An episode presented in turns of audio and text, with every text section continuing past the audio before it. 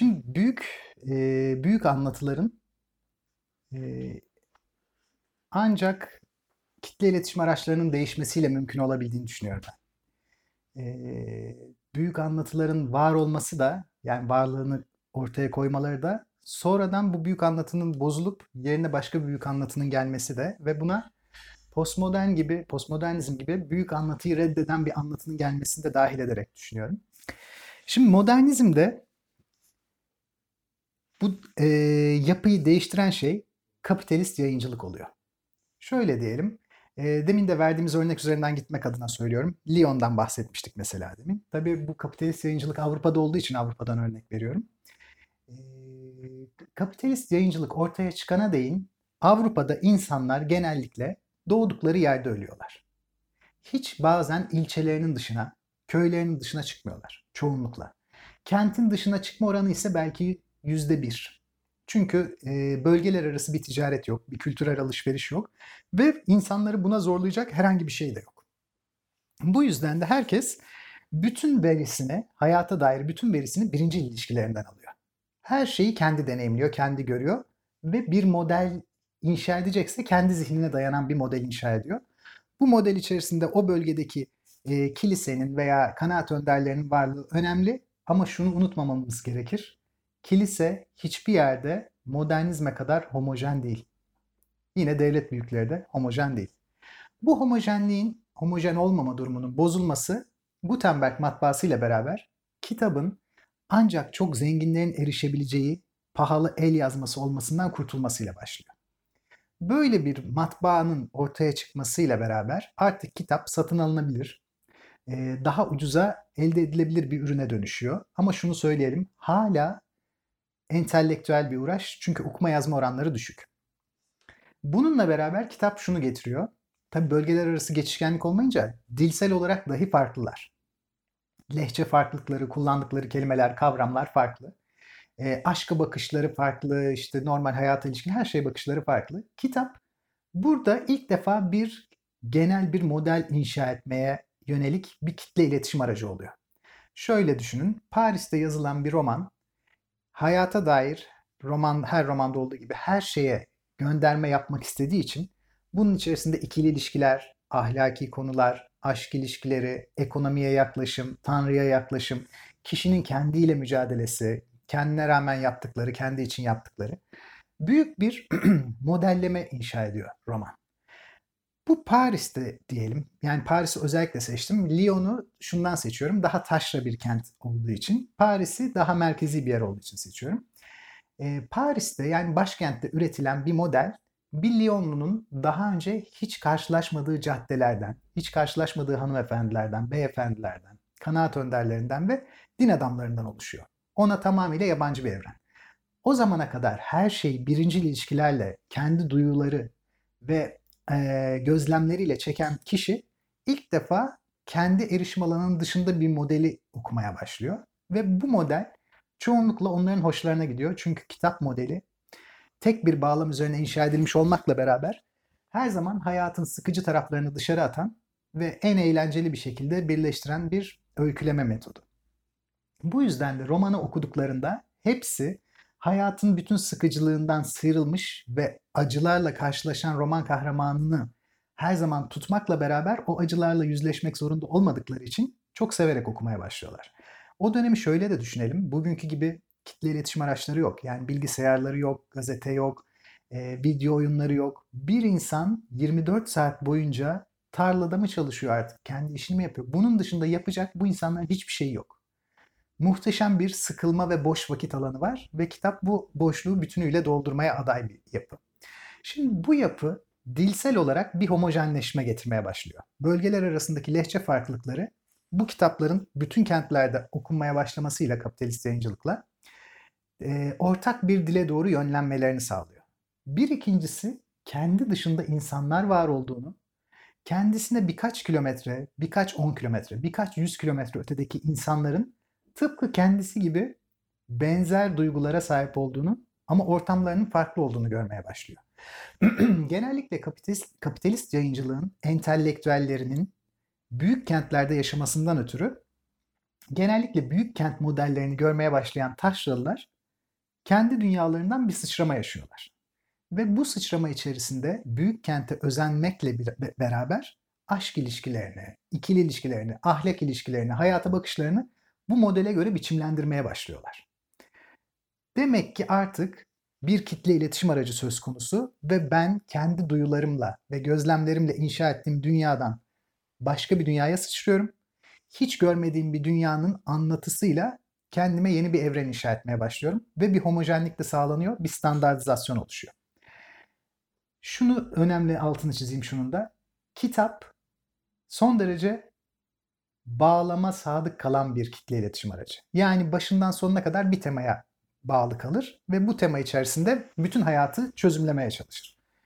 Bir ikinci buluş kitle iletişim aracı gazete olacak ve gazete kitaptan daha farklı özelliklere sahip olduğu için daha farklı etkiler yaratacak. Gazetede e, Lyon'daki kişi gazeteyi açtığı zaman e, ilk sayfada siyaset haberini, e, aynı zamanda ekonomi haberini, bugün üçüncü sayfa haberi olarak söylediğimiz adli suçları e, ve eğlence bölümünü bir arada bulacak.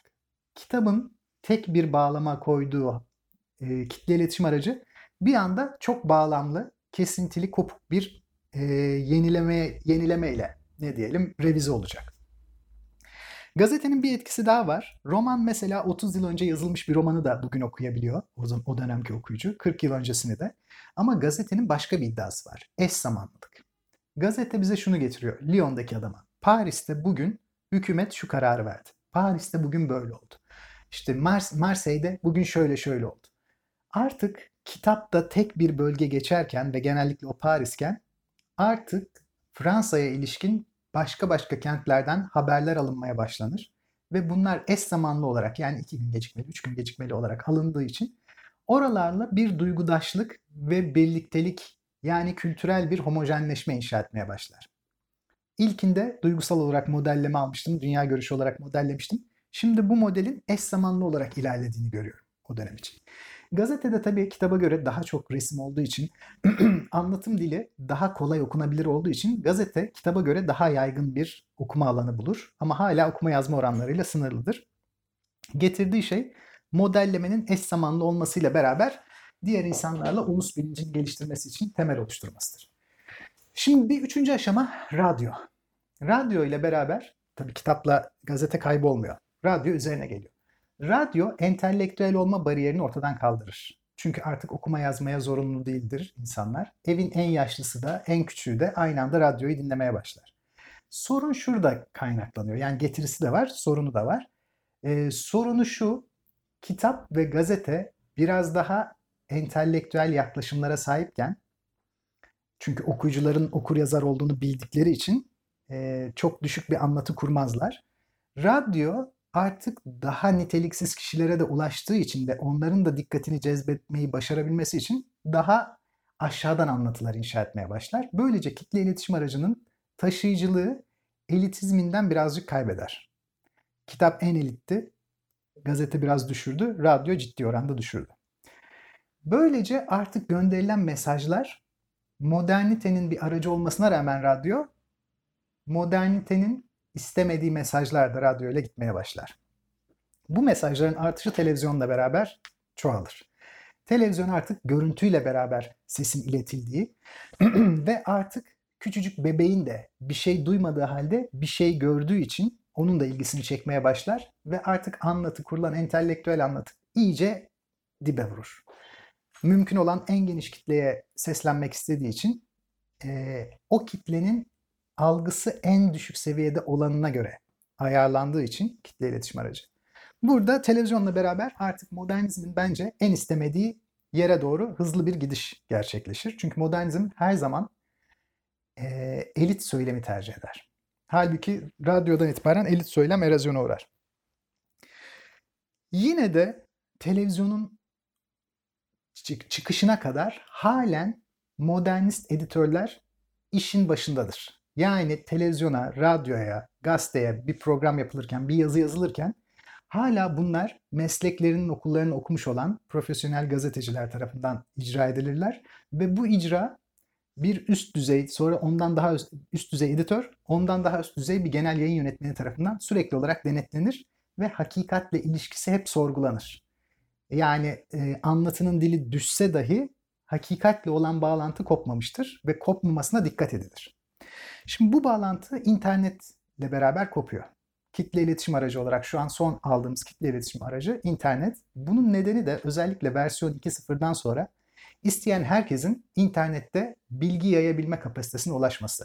İstediği gibi haber sitesi açabilmesi, sosyal medya aracılığıyla istediği savları istediği şekilde hiçbir editoryal denetime tabi kalmadan, olmadan dağıtabilmesi. Böylece ilk defa merkezden gönderilen e, iletiler merkezsiz bir ileti gönderme kapasitesine kavuşur. Yani televizyonda da e, bir sürü insan oturup tek bir merkezdeki haberleri izler. Radyoda da böyle, gazetede de böyle, kitapta da böyle ama internet ortamında böyle değil. İnternet ortamında artık herkes birbirini gözetleyebilir, merkez dağılmıştır. Herkes istediği yerden istediği bilgiyi gönder gönderme yetisine sahiptir ve editoryal bir denetimi de yoktur. Bu dönem o yüzden modernizmden farklı bir döneme artık evrilmiştir. Buna postmodernizm de değil post-truth diyoruz. Post-truth artık hakikatin geriye alınması, hakikatin öneminin kalmaması, gönderilen bilgilerin denetlenememesi, denetlenmek istense dahi nasıl yapılacağının bilinememesi. Mesela internet ilk ortaya çıktığında çok e, güzel olduğunu düşündüğü itopyalarla ortaya çıkmıştı. Demokratikleşmenin artacağı, bilgiye istenildiği an istenildiğinde kavuşulacağı, e, bütün bu e, ne diyelim devlet taraflı olan gazetelerin, kitapların, işte e, televizyon ağlarının aşılabileceği, herkesin yayın yapabileceği çok demokratik bir yer olarak düşünülmüştü. Ama maalesef gidişat böyle olmadı.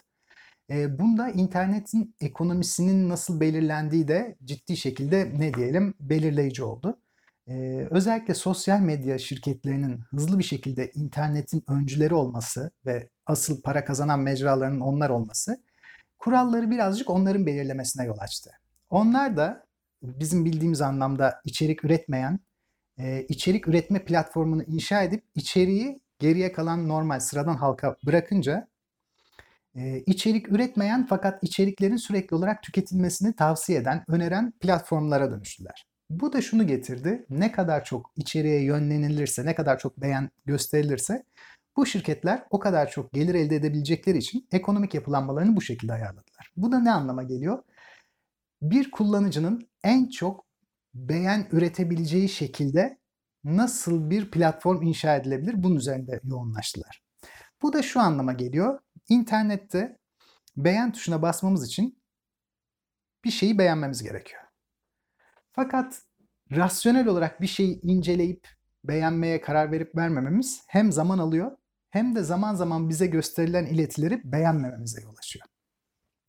Burada maksimum beğen sayısının alınabilmesi için çeşitli algoritmaların yazılması ve bunların devreye sokulması gündeme geldi. Bunları büyük bir komplo teorisinin parçaları olarak görmüyorum. Bu doğal akışı içerisinde böyle oldu. Taraflara dağıtılan kartlardan böyle bir oyun çıktı. E, ve e, beğen almak üzerine kurulan böyle bir yapıda insanların daha görür görmez hiçbir şey sorgulamadan beğenecekleri iletilerle karşılaşması amaçlandı. Buna bugün filtre balonu diyoruz. Şu demek bu.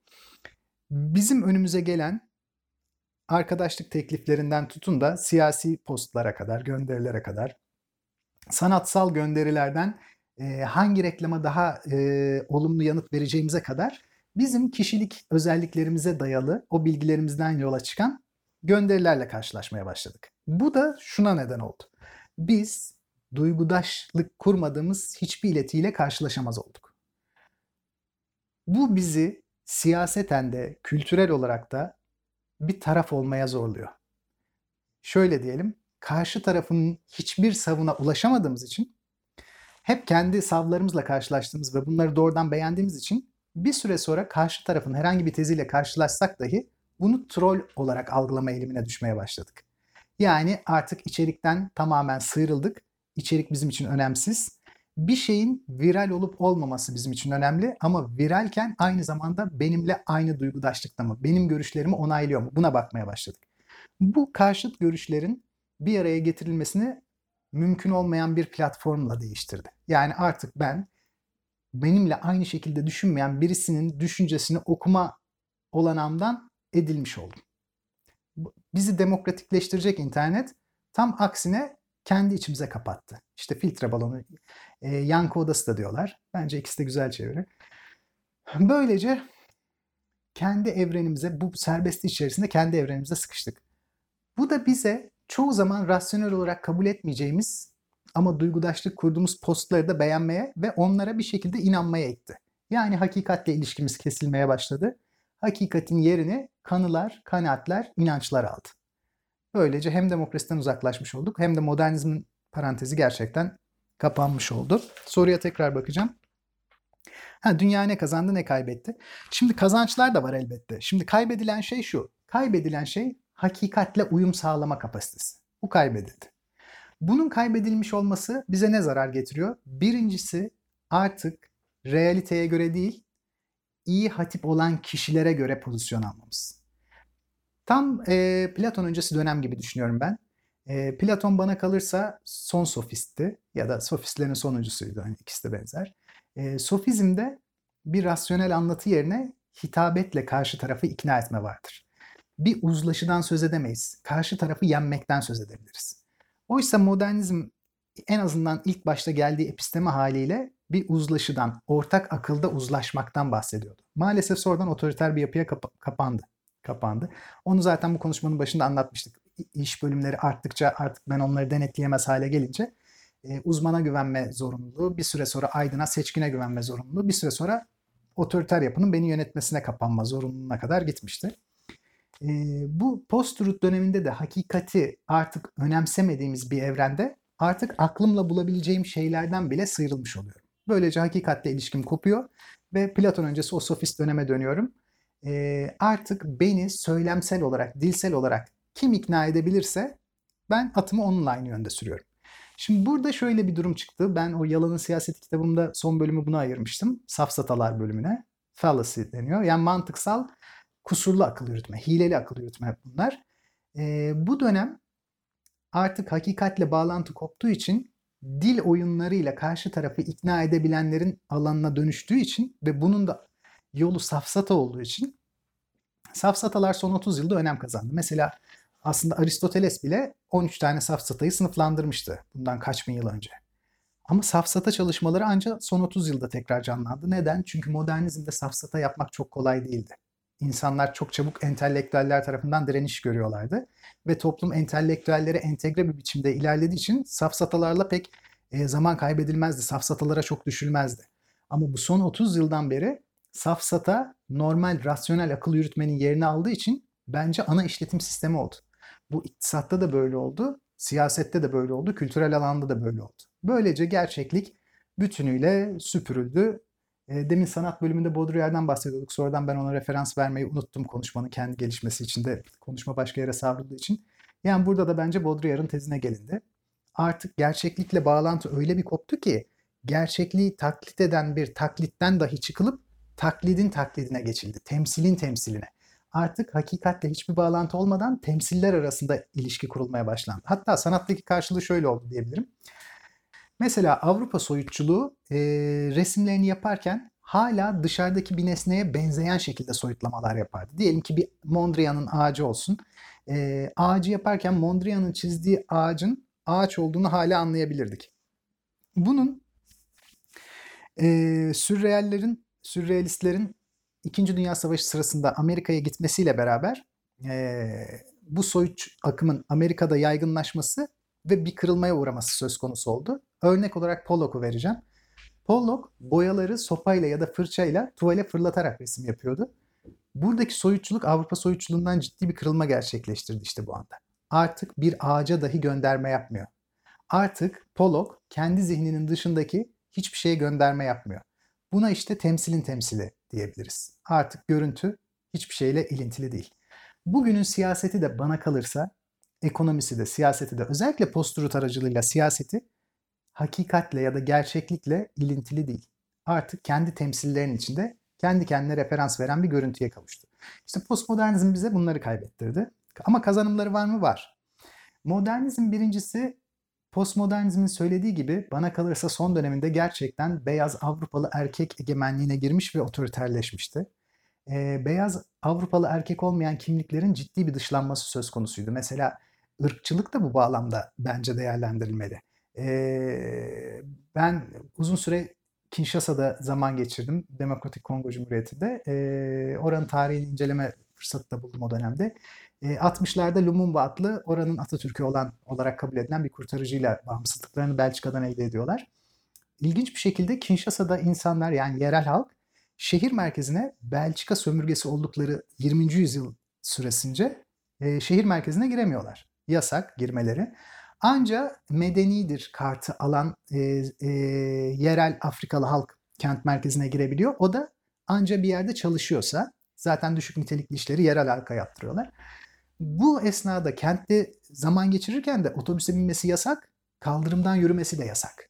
Beyazlar kaldırımdan yürürken yerli olan Afrikalılar maalesef yoldan yürümek zorunda kalıyor. Şimdi bunları düşününce modernizmin aslında son döneminde nelere mal olduğunu da görüyorduk. Yine ee, mesela eşcinsellerin kimliklerinin bastırılması, dindarların kimliklerinin bastırılması, e, muhafazakarların, e, liberallerin bir yerden sonra. Yani modernizm aslında karşısına çok büyük bir kitle de almıştı.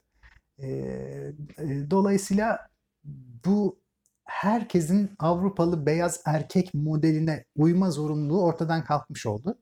E bu da postmodernizmin tabii iyi tarafı oldu. Hiçbir şeyin tamamen kötü ve iyi tarafı olmadığı gibi.